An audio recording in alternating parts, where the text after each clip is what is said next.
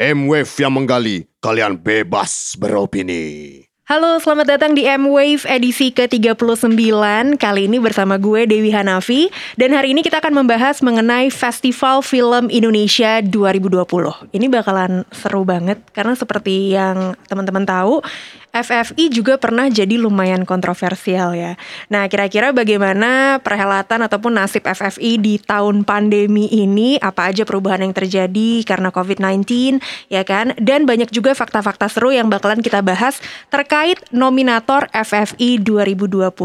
Di studio M-Wave sekarang gue juga udah kedatangan seorang tamu yang cocok banget nih kita ajak ngobrol-ngobrol soal ini. Ada Alexander Matius alias Mamat. Halo. Halo semuanya. Apa kabar, Mat? Mamat. Baik, baik. Senang banget bisa ketemu di M-Wave edisi ke-39 ini. Hmm. Uh, Mamat ini adalah seorang programmer hmm. di Kinosaurus. Hmm. Tapi boleh diceritain dulu uh, profil lo seperti apa, sekarang kegiatannya ngapain aja, Mat? Kalau rutinitas di film hmm. uh, paling banyak tadi udah disebut sebagai film programmer di Kinosaurus. Hmm. Buat yang nggak tahu Kinosaurus tuh bioskop alternatif ada di Jakarta Uh, sisanya kalau saat pandemi gini ya ada beberapa project. Oke. Okay. Seperti Jogja Netpack Asian Film Festival. Mm -hmm. Terus beberapa kali juga nge-host untuk uh, acara diskusi uh, via online. Mm -hmm.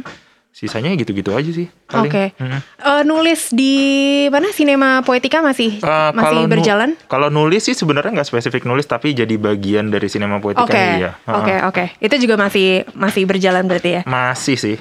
Oke, okay. hmm. ini uh, kita masuk di masa sekarang nih ya, hmm. lumayan mempengaruhi beneran semua aspek dan juga industri, termasuk industri perfilman ya kan. Kita tahu kemarin bioskop sempat lama banget tutup. Menurut lo, kalau nasib bioskop alternatif di masa pandemi yang lo lihat pengaruhnya seperti apa, Mat? Um, sulit ya, sama sama aja kayak bioskop pada umumnya sebenarnya. Kalau uh. bioskop pada umumnya yang reguler banyak orang dan seperti biasa jadi budaya buat bagian orang gitu. Uh-uh. Bioskop alternatif justru kayak yang ya dengan jumlah orang yang mungkin lebih sedikit ya jadi lebih parah juga gitu. Sama-sama okay. parah karena sama-sama kondisinya sama-sama harus tutup. Oke. Okay. Jadinya ya yang nggak tahu harus ngapain gitu sebenarnya. Mm-hmm. Menunggu sih sebenarnya. Jadi sampai sekarang juga masih belum ada kegiatan lanjutan yang bisa di maksudnya beneran mengumpulin orang gitu untuk nonton lagi di bioskop alternatif sampai sekarang juga belum berarti ya? Sampai sekarang belum. Untuk offline ya. Untuk uh, offline ya. Beberapa orang, uh, beberapa pihak gitu uh -huh. kayak uh, komunitas dan segala macam memang ada kegiatan online. Uh -huh. Tapi untuk berbasis offline kayaknya belum deh. Oke. Okay. Oke, okay, uh, jadi masih semuanya masih digital masih, lah ya, masih yes, online ya. Yes. Oke, okay. ini kalau kita ngomongin soal festival film, lo kan juga udah pernah beberapa pernah pergi ke beberapa festival film di dalam maupun luar negeri, ya kan? Hmm, hmm. Yang menurut lo paling berkesan festival apa, Mat? Uh, gue tuh cuma pernah tiga festival luar negeri. Mm. Terus uh, festival dalam negeri kayaknya cuma dua, dua deh kalau nggak salah. Okay. Dua apa tiga juga deh tapi yang paling berkesan yang paling jauh lah Venice gitu. Oke okay, Venice Film Festival ah, ya? kayak yang beyond banget gitu bisa ke uh, Venice uh, gitu. Berarti waktu itu lo yang luar negeri apa aja Venice? Venice Shanghai Venice, Shanghai. sama ada satu festival film di Jepang namanya uh, gue jadi lupa namanya apa Pokoknya dia uh, eksperimental, khusus eksperimental. Oh, ya? uh -uh. oh oke. Okay. Hmm. Oh menarik menarik. Ini tapi kalau menurut lo berarti kan uh, lo paling gak udah udah udah melihat gitu ya di uh, luar festival filmnya seperti apa, di dalam negeri seperti apa. Uh, ada perbedaan yang signifikan nggak kalau misalnya uh, lo ngelihat festival film luar negeri sama yang kita lakukan di dalam negeri? Um, paling kerasa itu sebenarnya Uh, kalau festival itu gue selalu nganggapnya yang paling ideal adalah hmm? lo bisa dari satu venue ke venue lain tuh jalan kaki. Ah, iya Maksudnya iya. kayak iya. jaring laba-laba gitulah gitu. Benar benar nah, benar. ketika lo mau ke sini, terus ada acara di sana, lo bisa dengan cepat bisa ke sana gitu. Iya iya iya. Dan perpindahannya jadi cepat gitu kan. Oke. Okay. Dan uh, aksesnya jadi lebih gampang gitu. Nah hmm. itu yang mungkin agak susah tuh diterapin di Indonesia kali ya. Oke. Okay. Karena misalnya uh, ambil contoh kayak misalnya Venice gitu. Mm Venice itu di satu pulau, udah satu pulau itu doang. Gitu. Jadi lu mau ke venue ini, terus ke venue yang lain, misalnya lu oh, lihat ada schedule, terus mm -hmm. lu mau pindah, itu cepat gitu. Oke. Okay. bisa jalan kaki atau naik sepeda gitu. Aksesnya gampang ya. Aksesnya gampang Oke. dan, dan semuanya tersedia di dekat situ. Maksudnya dari kalau Venice tuh ada dari hotel dekat situ gitu. Terus ada booth merchandise-nya juga jelas Hmm, gitu. Toilet umum bahkan yang sampai itu juga tersedia dengan banyak gitu. Hmm, Jadinya eh, festival sebagai yang biasanya kan festival kita celebrate ya. Iya. Nah, itu tuh berasa banget di situ. Selebrasinya Mm-mm. terasa vibe-nya ya. Hmm, tapi kalau waktu di Indonesia paling gue sih suka sebenarnya JAV tahun lalu, Ha-ha. JAV Genetpack karena eh, satu bioskop doang Oke. meskipun ya dengan dengan berbagai kondisi ya maksudnya bisa plus minus gitu tapi itu jadi memudahkan sebenarnya untuk ya udah festivalnya di situ gitu Oke. Mm-mm. Oke. Ini kalau kalau ngelihat dengan pengaruh uh, pandemi sekarang gitu, terus bioskop juga tutup, lo ngelihat pengaruhnya terhadap festival-festival film dunia seperti apa sih? Eh, ada beberapa inisiatif ya. Maksudnya ada beberapa ada beberapa festival yang akhirnya nggak eh, melangsungkan festivalnya Iya. di tahun ini gitu. Tapi ada juga yang berupaya untuk bisa online. Eh, ada juga inisiatif eh, beberapa festival. Kemudian yang kemarin bikin di jadi satu platform terus tayangin di YouTube sebagai satu sebuah Oke. festival Ya, ya. jadi sebenarnya eh, berbagai macam cara sih dan berbagai macam pertimbangan pastinya Oke. gitu. Kalau misalnya kita ngeliat ke Indonesia sekarang gitu ya, Hmm. uh, Festival Film Indonesia 2020 sudah muncul nama-nama nominasinya gitu kan. Menurut lo nih uh, sekarang uh, pengaruhnya gimana? Apalagi banyak juga film-film yang tayang di layanan streaming pun itu akhirnya juga masuk menjadi uh, nominasi ya. Mm-mm. Apakah ini juga termasuk salah satu efek gitu karena bioskop tutup, film-film juga jadi banyak yang uh, mundur penayangannya gitu kan. Akhirnya mengambil apa namanya mengambil uh, nominasi juga dari film-film layanan streaming atau lo ngelihatnya seperti apa? eh secara jumlah pasti turun. Ya. Tapi kan kalau FFI itu kan eh, startnya itu berdasarkan film, gue lupa antara September atau Oktober tahun lalu. Jadi secara jumlah pun sebenarnya masih cukup memadai lah, meskipun Oke. tidak banyak gitu Ya. seperti tahun-tahun sebelumnya. Eh, kalau misalnya platform streaming, film-film platform platform streaming itu eh, lebih kepada konsekuensi karena bioskop offline tutup. Ya, Maksudnya oke. beberapa film yang misalnya kayak guru-guru gokil atau mudik gitu, itu di tadinya memang diniatkan untuk offline. Untuk layar lebar bioskop Nah, gitu ya? gue untuk offline Ya. gitu. Tapi karena kondisi dan filmnya udah jadi gitu, daripada nggak di uh, publish sama sekali ya, akhirnya kerjasama sama platform online. Gitu. Ya. Jadinya, tapi di kemudian hari juga gue rasa sih sebenarnya itu jadi salah satu mungkin akan menjadi salah satu yang ya udah gitu. Platform Hmm. streaming pun nggak apa-apa asal uh, memenuhi kriteria penjurian gitu. Misalnya kriteria si festivalnya gitu. Hmm, itu kan sama aja kayak misalnya di luar negeri pun Netflix juga udah masuk Academy Awards kan Benar, benar. Gitu. Ini kan bisa dibilang festival film Indonesia itu eh, sebagai penghargaan tertinggi di industri film Indonesia ya kan. Nah kalau dari pandangan lo nih Mat, sebenarnya seberapa berharga sih piala eh, FFI itu? Eh, ya kayak apa ya ibaratnya tuh kayak misalnya lo ada standar apresiasi tertinggi lo bisa achieve itu tuh berarti lo di di respect atau dihormati atau diapresiat sama uh, insan perfilman Indonesia gitu Diakui gitu ya? diakui Wah, Oke. lo lo terbaik dari dari antara semua yang Iya. ada Ah, gitu ah, ah, ah. itu penting sih sebenarnya jadinya Oke. kayak apresiasi tertinggi dapat lo yang lo dapat itu jadi yang sesuatu yang berharga banget sih harusnya Oke. Mm-mm. Nah tapi ini kan FFI seperti kita tahu pernah menuai berbagai kontroversi dan juga polemik ya. Hmm. Sebenarnya kredibilitas FFI saat ini tuh gimana sih? Eh, kalau gue sih nangkapnya better aja sih maksudnya dari Oh, tahun justru ke lebih tahun. baik ya? Ah, karena eh, ya setiap festival pasti akan ada pro dan kontra gitu. Ya. Karena ini kan ini melibatkan eh, eh, sistem dan kemudian penilaian dari berbagai macam orang gitu. Yang nggak bisa memuaskan semua pihak tapi Benar. berusaha untuk menja- eh, menjadi yang lebih baik aja itu udah cukup gitu menurut gue. Dan tahun ini sih kalau menurut gue sih udah udah oke maksudnya itu dengan sistem yang eh, berjalan kemudian ada beberapa fi- beberapa film yang kemudian lolos di tahap yang pertama. Terus gue lihat film-filmnya dan beberapa rekomendasi yang tidak tidak eh, dari film yang kemudian lolos itu menurut gue itu udah, udah cukup baik sih.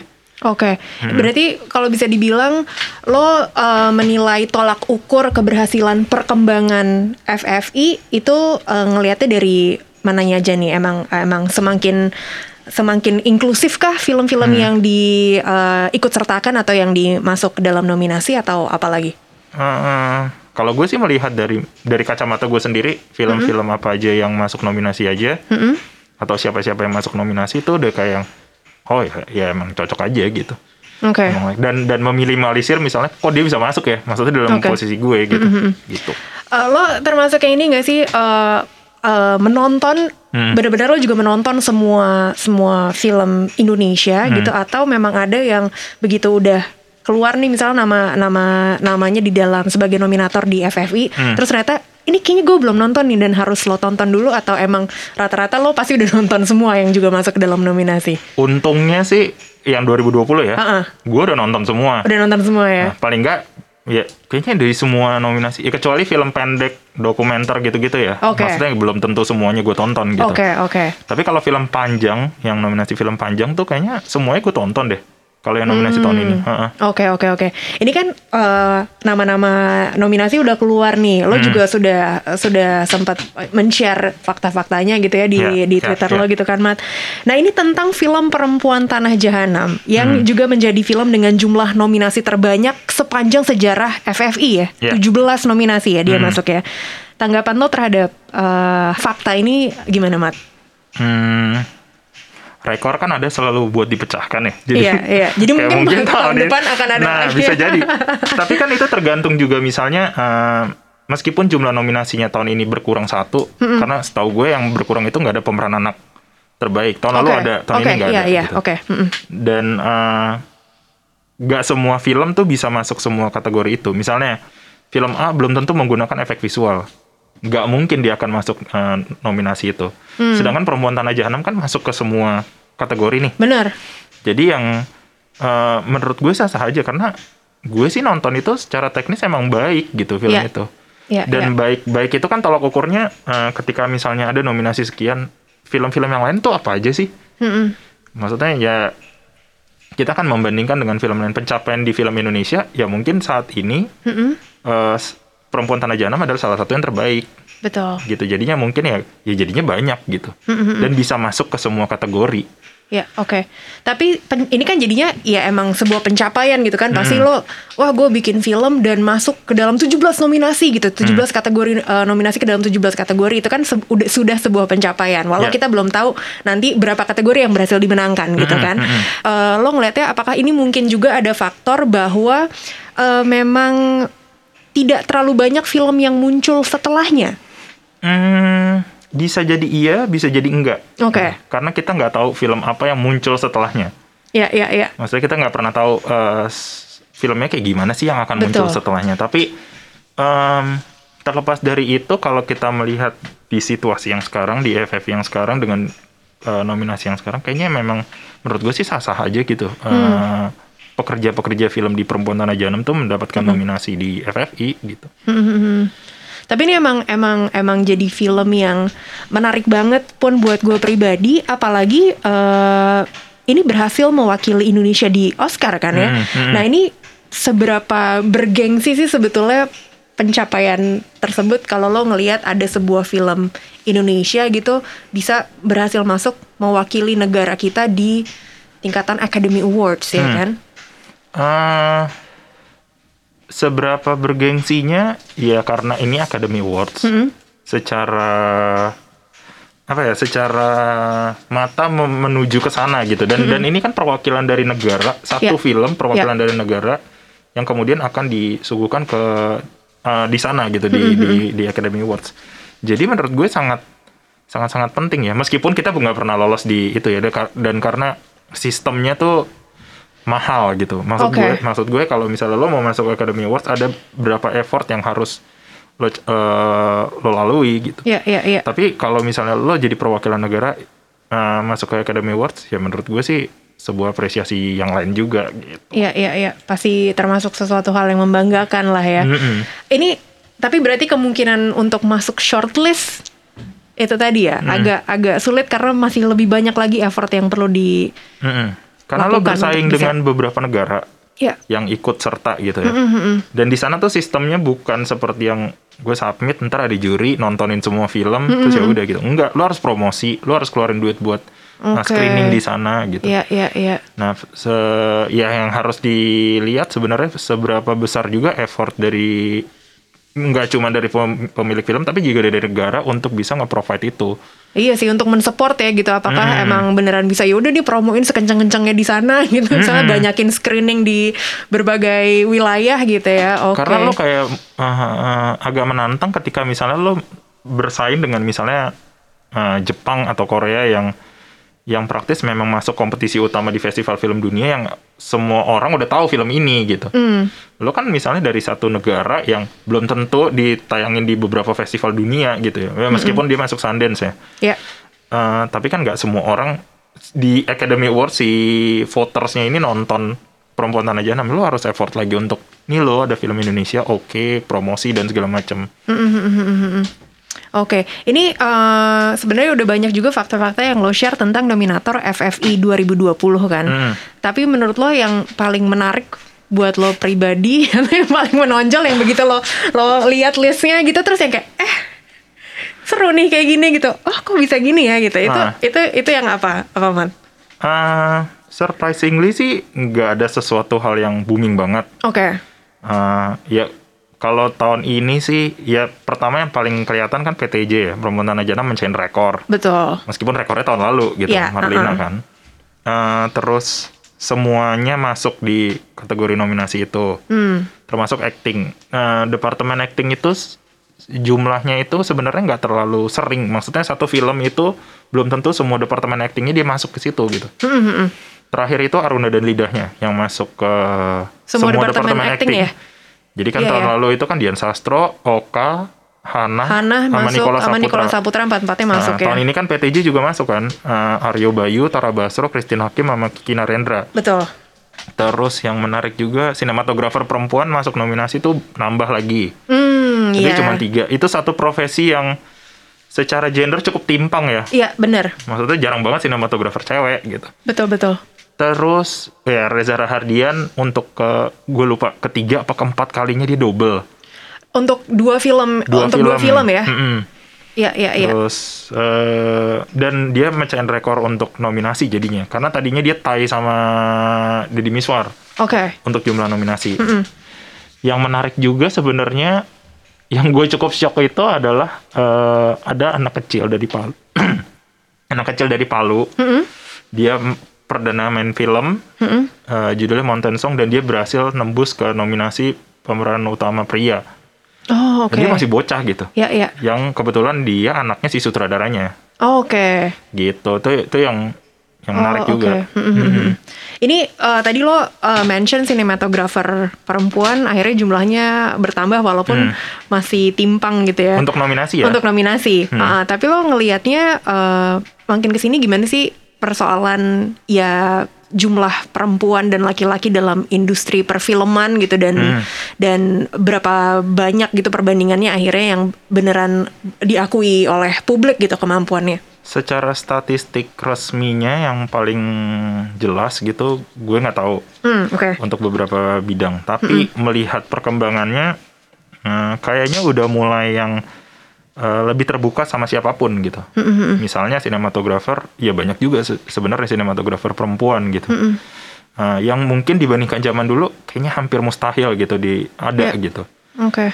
Ya paling gitu sih kayak misalnya eh yang lainnya sih kayaknya eh, biasa-biasa aja ya. Maksudnya kayak misalnya penata busana, misalnya identik sama perempuan, ya ada juga penata busana laki-laki gitu. Oke. Sebenarnya semakin terbuka sih eh, industri film Indonesia sama siapa pun gitu. Hmm, Meskipun ya masih banyak PR tentunya kayak misalnya stigma Ya. atau eh, ketimpangan soal nggak tahu honorarium mungkin gue juga nggak tahu ya gitu. Oke, Karena iya, kalau iya. kalau misalnya di Hollywood kan itu nyata ya Betul. Ketimbangan soal honorarium, Uh-uh. harassment, Betul. dan segala macam gitu. Tapi kalau untuk menkepalai departemen sih, eh, gue rasa udah semakin terbuka sih. Oke, oke. Oh, that's good to to know gitu ya karena karena kan itu juga menjadi isu yang eh, lumayan diperjuangkan gitu kan bahkan maksudnya di di seluruh dunia seperti lo bilang ya industri perfilman di luar pun juga lagi sering-seringnya juga menuntut inklusivitas untuk yang Mm-mm. em, perempuan juga lebih ayo banyak dilibatkan, diakui gitu kan atau bahkan mungkin untuk eh, apa pun itu deh bahasannya kalau misalnya harus menjadi juri gitu misalnya jangan Hmm, kebanyakan hmm. jurinya laki-laki doang gitu Iya. tapi libatin juga yang eh, eh, narasumber perempuan gitu karena sebenarnya ada juga yang kompet kompeten ya kan Mm-mm. Berarti PR-nya juga di situ ya harus lebih Iya, jadi kayak misalnya lagi ya. yang eh, udah nggak ada, bu- bukan zamannya lagi ketika misalnya eh, lo perempuan, terus Hmm. lo mau jadi sinematografer tuh, ngapain lo jadi sinematografer gitu loh? Iya, iya, lo, iya, lo, iya. lo, lo nggak dikunci dari awal gitu. Iya, iya, lo, iya. lo emang udah, oh lo mau jadi sinematografer ya udah gitu. Ya ya udah udah tidak dipandang sebelah mata lah ya gitu Mm-mm. untuk bagian itunya ya. Oke. Ini dari lo udah ngasih tahu juga gitu lagi-lagi soal nominasi FFI 2020 Mm. dari lo pribadi ada prediksi nggak nih Mat untuk pemenang kategori pemeran utama perempuan terbaik, pria terbaik, sutradara terbaik dan of course film terbaik. Ini pertanyaan berat dan menjebak ya. Ini sorry sorry ya buat buat teman-temanku. No offense ya gitu. Iya, iya, no offense ya. Eh, kalau pemeran utama pria, gue nggak memprediksi sih, tapi menjagokan kali ya. Oke, ya. Dari di film itu, kayaknya Gunawan Marianto sih. Hmm. Yang seharusnya menurut gue, dia masuk di 2016. Ini kan pertama kali dia masuk nominasi Ya. sebagai pemeran utama pria terbaik gitu. Yang se- menurut gue harusnya dia masuk di science of fiction juga. Eh, science of fiction, istirahatlah kata-kata. Ya. Tapi tahun itu dia nggak masuk. Tahun itu nggak masuk. Nah, nah, kayaknya tahun ini gue sih menjagokan Gunawan Marianto ya. Oke, untuk pemeran utama pria terbaik Maksudnya ya. agak eh, film yang berbeda dengan karakter yang berbeda, ti- hampir tidak berbicara sepanjang film, kemudian Hmm. bergerak dengan tempo yang eh, lambat gitu ya. Sangat-sangat eh, menonjolkan eh, tu gerak tubuh gitu. Itu tuh rumit banget sebenarnya. Iya, iya. Tapi kayaknya ya gue gue sih Gunawan Marianto. Kalau cewek yang wan- yang perempuan, nah ini agak tricky. Eh, kayaknya gue sih gue antara dua ya pilihan gue antara Putri Ayu dia di Mudik Mm-mm. atau Laura Basuki di Susi Susanti. Susi Susanti. Gitu keduanya sih oke sih. Iya. Nah, sutradara, sutradara siapa aja sih? Joko, Riri, Mas Riri, Angginun, An- Iya, di nun. ah. lupa deh pokoknya. Wah ini PR sih. PR berarti kan mesti, Karena- mesti, mesti dipikirin ya. Iya gimana ya maksudnya eh, enak nggak enak nih ya. Ya Iya, sorry iya. itu saya nih kayaknya antara Joko atau Anggi sih. Oke, oke, Hmm. oke. Kalau Vi Kalau nah, film, nah film nih yang biasanya paling aduh gitu. film terbaik ya atau enggak yang lo jagokan gitu. eh, Sebenarnya film eh, apa yang untuk masuk ke dalam eh, nominasi kategori film terbaik dari semuanya yang lo jagokan yang mana? Feeling gue sih antara science of fiction sih. Tapi akan menjadi keterkejutan sendiri ketika Perempuan Tanah Jana menang. Karena Oke. hampir nggak pernah film genre tuh menang Piala Citra gitu. Oke. Sebagai Ya, ya. representasi negara zaman dulu ketika Orde Baru.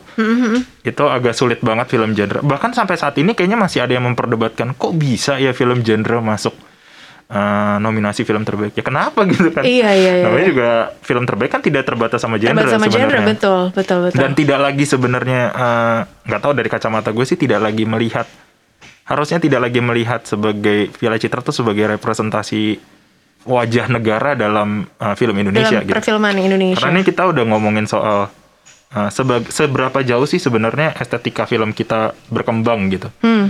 Di tahun itu. Di, itu kan jadi semacam kesimpulan ya, maksudnya uh, menurut gue Piala Hmm. Citra gitu. Jadinya kayak di antara dua itu sih yang Oke. paling uh, uh, yang paling menonjol. Oke. Tapi lo lo sendiri eh, termasuk yang emang penikmat semua genre film Hmm. atau ada genre-genre tertentu yang lo emang aduh gue emang kurang suka nih kalau genrenya ini gitu. Gue nggak terlalu suka nonton film horor. Oke, oke. tapi tapi gue akan dengan sangat yakin dan berani untuk bisa menonton film-film yang gue yakin layak untuk gue tonton gitu Oh, di, oke. di bioskop. ya, ya. Karena kalau di layar kecil kayaknya kurang greget ya kalau nonton film horor gitu. Jadi ya sebenarnya terbuka untuk semua film sih. Oke. Tapi kalau misalnya itu ya, ya kalau ditanyain ya gue akan memilih untuk tidak menonton film horor. Sejumlah film horor dengan banyak gitu. Itu bukan self preference lo ya untuk untuk untuk sebuah tontonan hiburan Ke- gitu ya. kecuali gue dalam posisi yang ya gue lagi fan-fan aja nih nyari film apa gitu. Oke. Kalau gue lagi yang stres banget nonton film horor, kayak gue tambah stres. Pusing banget gitu. Apalagi kalau film horor yang nggak bagus kan males juga. Benar, gitu. benar, benar. Kalau cuma dapat, aduh, cuma dapat ditakut-takutin, tapi ternyata ya nggak bagus lagi. Gitu Iya, ya. jump scare, jump scare gitu Iya, kayak, iya, aduh. Benar. Ini eh, tadi lo sempat sempat mention kalau di tahun ini kan kategori anak yang eh, Hmm. sudah tidak ada gitu ya. Hmm. Tapi kalau misalnya lo ngelihat untuk festival film Indonesia berikutnya, Hmm. Menurut lo ada nggak sih kategori nominasi lain yang perlu diadakan atau perlu masuk ke dalam festival film Indonesia? Hmm. Hmm, hmm, hmm. Apa ya? Stuntman kali ya. Stuntman Stunt- terbaik stunt ya? tuh nggak ada loh. Nggak ada ya? Ya, tapi itu penting kan maksudnya. eh, Bener sih. at- hmm, apa yang belum ya? Nataria sudah. Nataria sudah, Nata Busana juga udah. udah. heeh. eh ya itu sih paling kayak misalnya stunt atau koreo ya action choreographer ya tapi jumlah filmnya juga nggak ada sih nggak banyak Iya, iya, iya. dan nggak oke. bagus juga gitu action choreographer cuman beberapa doang beberapa orang yang bagus hmm belum kepikiran sih Poster gitu perlu nggak? Poster. Pos- oh iya poster, juga Poster, menarik poster sih film. iya sih poster sih kayaknya sebenarnya dulu eh dulu ada nggak ya kayaknya ada deh dulu Dulu sempat ada ya? kayaknya ya gue lupa Kalau film kecil jadi malah suka ada ya. Heeh, tapi poster menarik sih kalau Poster menarik ada. sih, benar. Iya. Karena itu kan lumayan itu jadi hal pertama yang lo lo lihat dalam sebuah film ya terus yang Hmm. oh ini seru nih kayaknya nih gitu kan. Tapi menurut gue yang yang yang justru menurut gue kalau buat perhelatan festival film Heeh. eh, kurang festif gitu menurut gue festival film Indonesia. Karena ini tuh kayak Hmm. kenapa nggak dinamain aja Piala Citra gitu? Karena jatuhnya eh, Ya, jadi seperti penghargaan kompetisi doang, penghargaan kan? kompetisi aja gitu Mm-mm. kan. Sedangkan lo kayak kalau dulu festifnya pawai gitu. Cuman kalau sekarang pawai ngapain juga gitu kan? Benar benar benar. eh kurang festif aja gitu. Bis- misalnya bisa ya kalau tahun lalu kan memang pemutaran film yang masuk nominasi film terbaik gitu. Mm-mm. Tapi kan itu kayak kurang aja, nggak cukup gitu. Iya. Eh, mungkin bisa yang ada perhelatan yang misalnya pameran atau apa gitu. Jadinya tuh dalam rentang waktu segitu kita emang udah celebrate film Indonesia aja gitu di tahun itu. Benar benar benar. Nggak cuman kita eh, merekapitulasi dari yang kemarin, tapi juga kita bisa juga menyambut hal-hal yang akan terjadi di masa mendatang, misalnya kayak gitu. Ya ya ya. Gitu sih. Benar sih. Jadi bukan hanya menunggu ajang penghargaannya aja gitu ya, itu bukan itu nggak apa-apa jadi puncak gitu. itu jadi puncak acara tapi kayaknya road to festival filmnya gitu ya. Mm-mm, harus Itu- ada berbagai macam kegiatan yang semua orang excited untuk bisa. Nggak cuman untuk pekerja film, tapi juga untuk penonton filmnya juga bisa excited untuk itu. Benar, benar, benar. Bisa juga misalnya premier film yang belum rilis misalnya. Mm-mm. Kan dibiayai negara nih. Maksudnya misalnya ya negara harusnya ngasih eh, duit yang lumayan lah ya buat buat FFI gitu. Bisa jadi misalnya pre, eh, premier yang proper gitu. Jadinya kita kayak yang excited juga buat nungguin gitu. Kita mau nonton gitu. Kalau misalnya film yang kemarin kan kita udah nonton gitu ngapain lagi? Iya, iya. Terus ap- apa sesuatu yang fresh gitu. Dan gak cuman buat calon pekerja film tapi kan penonton film yang yang supposed to be kita nggak tahu nih. Misalnya dari penonton film misalnya sekarang dia lagi kerja di mana gitu. Karena dia mengikuti perhelatan FFI, dia pengen untuk terlibat di industri film misalnya. Jadinya kayak gitu gitu. Jadi menarik. Benar sih. Ini buat yang mendengar, mungkin ada yang panitia. Jangan langsung diambil idenya ngobrol dulu sama Mamat ya. Tolong ketua BPI berikutnya. Ketua BPI berikutnya. Ini ke- tapi kalau misalnya ngomongin dari dari eh, genre film gitu mungkin ya. Hmm. Menurut lo ada yang bisa dikembangkan atau ditambahin lagi nggak yang kayak kayaknya menurut lo masih kurang banyak nih di Indonesia atau kalaupun ada tapi masih belum optimal gitu. Eh, Karena kan kita horror tuh film Indonesia banyak banget Iya, gitu. Eh, drama, komedi, of course ada Hmm. gitu. hmm, Ada lagi nggak yang menurut lo perlu dikembangkan? Action sih kalau menurut gue. Action justru Karena ya. gimana ya? Maksudnya secara bikin film action itu mahal. Hmm, Tapi ya seperti kebanyakan industri kesenian pada umumnya kita nggak pernah tahu apakah ini laku atau enggak gitu. ya, ya, Jadi ya. ber- gamblingnya terlalu besar dan biasanya tuh nggak tahu ya film actionnya tuh kadang-kadang actionnya tuh nggak nggak nggak se walaupun ada beberapa film action yang terlihat sangat bagus koreografinya kayak misalnya eh, beberapa film yang di di koreografi sama Wise Team misalnya. Ya. Itu kan benar-benar yang ya semenjak kita nonton The Raid kita bisa tahu bahwa action itu ternyata bisa sebrutal itu gitu. Betul. Dengan editing yang enggak eh, membohongi terlalu membohongi kita semua gitu Iya, ya. iya, iya. Tapi ya ya perlu sih dan dan kayaknya justru menariknya eh, tahun kemarin dan tahun-tahun berikutnya gue juga menunggu gimana berkembangnya film-film adaptasi yang sifatnya lebih eh, dunia lain dalam tanda petik ya kayak misalnya Bumi Hmm. Langit Oke. atau eh Wiro Sableng Ya. maksudnya tuh yang yang yang menarik banget buat ditunggu sih Mm-mm. Oh satu lagi sih eh, tadi lo juga sempat bilang film adaptasi gitu ya yang mungkin juga diangkat dari novel, komik Mm-mm. atau buku Mm-mm. gitu kan. Mm-mm. Sejauh ini menurut lo yang sudah ada gitu eh, sudah cukup baik belum? Karena gue yang juga berikutnya yang gue tunggu-tunggu adalah tentunya film eh, seperti Dendam, Hmm, Rindu hmm. Harus Dibayar Tuntas gitu. Itu gue juga sangat mengantisipasi banget gitu nanti Ya. filmnya seperti apa karena bukunya bagus sekali gitu. Nah, Hmm. tapi menurut lo sejauh ini film-film Indonesia yang diadaptasi dari buku, novel, komik karena kadang-kadang kan orang kan suka su- sudah ada ekspektasi tertentu tapi ternyata nanti tidak sesuai atau Hmm. bahkan mungkin ada yang oh ternyata ini lebih bagus difilmkan daripada Hmm. bukunya. Nah, menurut lo seperti apa? Nah, yang pertama jangan terlalu berekspektasi Itu sudah itu udah pasti ya. karena karena akan susah gitu. Akan susah, benar-benar. Eh, mem- apa memvisualkan dari eh, IP yang ada gitu ya dari no, dari eh, produk yang udah ada ke film. Ya. Itu kan kemarin kayak misalnya di Lead Film gue mengutip eh, Pak Sapardi waktu itu emang lagi ngobrolin Ali Wahana gitu. Misalnya dia perbandingannya antara novel sama film gitu Ya. ya. Novel untuk ngambarin mawar ya cuman M A W A R. Ya. Kalau film lu punya segada segudang imajinasi untuk bisa oh ini mawar gitu. Ya. Gitu dan ya lo nggak bisa membandingkan itu kecuali lo mau ada ada seorang filmmaker yang kemudian plek ketiplek gitu ya dari eh, teksnya itu kemudian bikin film yang mungkin filmnya bisa jadi series kali ya Hmm. jadi te- series tersendiri. Tapi ketika misalnya kita ngomongin adaptasi, beberapa film kayak misalnya Bumi Langit itu kan Iya. adaptasinya baru ya, Betul. Nah, cukup liar juga gitu. Eh terus eh, beberapa film yang gue tidak mengikuti eh, cerita-cerita kayak Wattpad atau dari webtoon gitu. Maksudnya gue Oke. tidak mengikuti itu gitu. Iya, iya. Tapi kalau misalnya dari film itu ya eh, film-film yang hmm, dari novel yang gue suka, gue nggak bisa bilang terbaik gitu ya. Eh, gue suka terus eh, dan dibuat oleh seorang eh, seniman yang cukup oke gitu, yang punya imajinasi yang besar gitu.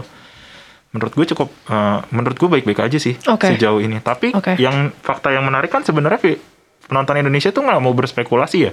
Ya. Maksudnya sejumlah box office di Indonesia 10 besar aja. Itu kan eh, lebih dari 50% adaptasi semua. Maksudnya or, lu udah tahu gitu. Benar, Lu- benar. You name it lah, Dilan, lu udah tahu. Iya. Orang udah tahu Dilan gitu.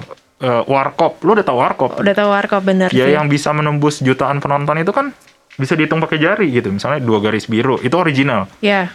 Ya jadinya or, jadinya orang tuh kadang-kadang suka eh, nggak mau berjudi nih, ah ntar filmnya jelek lagi gitu.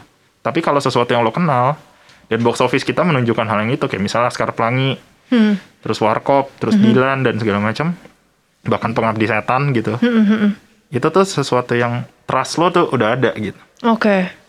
Gitu. Tapi kalau untuk eh, adaptasi sih sejauh ini ya yang dibuat dengan baik tentunya sejauh sejauh ini sih menurut gua good-good aja sih. Justru termasuk eh, cukup banyak ya maksudnya eh, yang sudah dibuat tuh memang baik-baik aja gitu ya. Eh, banyak tap banyak banget sebenarnya. Banyak banget, betul. eh, tapi yang ma- kayak misalnya si seperti dendam atau Molly yang eh, Mokhtar Lubis nanti proyeknya. Itu kan cerita yang nggak banyak orang tahu gitu. Hmm. Tapi dengan visinya mereka gue yakin sih bisa jadi bagus gitu. Ya. Sebagai film. Ya. Tanpa harus membandingkan novel ya novelnya juga bagus tapi sebagai film ya gue yakin tetap bagus juga sih. Meskipun gue menunggu kayak misalnya ada yang populer banget, tapi filmnya juga oke banget Ya. secara kualitas dan estetika ya. Kalau secara box office ya udahlah gitu ya kayak nah tergantung menonton. Tapi gue menunggu yang kayak misalnya Badai Pasti Berlalu. Sebuah novel yang populer, kemudian disutradarai oleh sutradara yang sebelumnya nggak begitu populer bikin film, nggak secara box office nggak nggak baik-baik amat. Tapi filmnya ju- juga oke gitu. Ya, oke. Karena kan sejauh ini kayak seperti dendam kan eh, hitungannya eh, beberapa orang ya. Maksudnya cukup niche gitu. Ya. Jadinya yang nah tapi gue menunggu yang sangat populer yang gede banget. Terus hasilnya juga oke banget gitu. Hmm. Gitu. Oke, ini tapi berarti menurut lo selera film penonton Indonesia atau penikmat film Indonesia itu eh, sebenarnya ketebak atau enggak? Enggak. Nggak nggak ketebak ya? Karena kayak misalnya lo tanya ke semua produser gitu ya. Heeh. Even kayak misalnya production yang sering menembus jutaan kopi kayak Falcon gitu. Hmm. Lo eh, gimana sih caranya misalnya bisa dapetin jutaan penonton? Enggak semua film Falcon bisa jutaan penonton. Betul. Nggak semua Oke. film uh, Miles atau Star Vision bisa jadi jutaan penonton gitu. Mm-mm.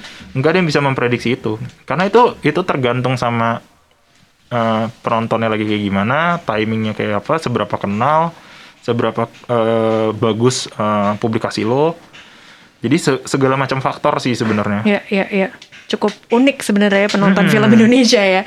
Kalau FFI sendiri, Festival Film Indonesia, menurut lo ketebak nggak film-film apa yang akan masuk gitu atau nantinya oh dari sekian nominasi yang masuk ketebak nih kayaknya ini deh yang menang gitu. Kalau menang tergantung nominasi yang ada kan. Karena itu Betul. kan dari gede ke kecil ke kecil gitu Ya, kan. mm-mm. Tapi eh, kalau untuk nominasi, gue sih punya jagoan tersendiri. Misalnya kayak film-film ini kayaknya cocok deh masuk Oke. FFI gitu. Dan eh, sejauh ini sih terbukti valid ya maksudnya. Apalagi kayak tahun ini yang jumlah filmnya dikit banget gitu. Jadi yang kayak paling memprediksi, eh ini mungkin masuk nominasi FFI kali. Tapi kalau Oke. untuk menang, ya tergantung siapa aja nih eh, saingannya gitu. Oke. Jadi menurut lo masih perlukah kita menantikan nih FFI 2020 apalagi memang yang sekarang jumlah filmnya memang lebih sedikit gitu kan. Perlu lah, karena kayak yang ya kita pengen lihat aja kita selebrasi bareng-bareng aja. Ya. Mm-mm, jadi yang eh sebagai sebuah kesimpulan untuk menutup periode perfilman Indonesia, ya menurut gue sih kita nantikan aja gitu. Kita rayakan Yes. sama-sama aja Kita lah. rayakan sama-sama ya. Eh, apresiasi juga untuk ya emang eh, industri perfilman Indonesia ya Iya. negeri kita sendiri siap kalau gitu thank you banget Mamat untuk waktunya sudah Terima mau mampir kasih. ke studio M Wave dan untuk teman-teman jangan lupa dengarkan episode M Wave lainnya di Spotify dan di mvibe.id sampai ketemu lagi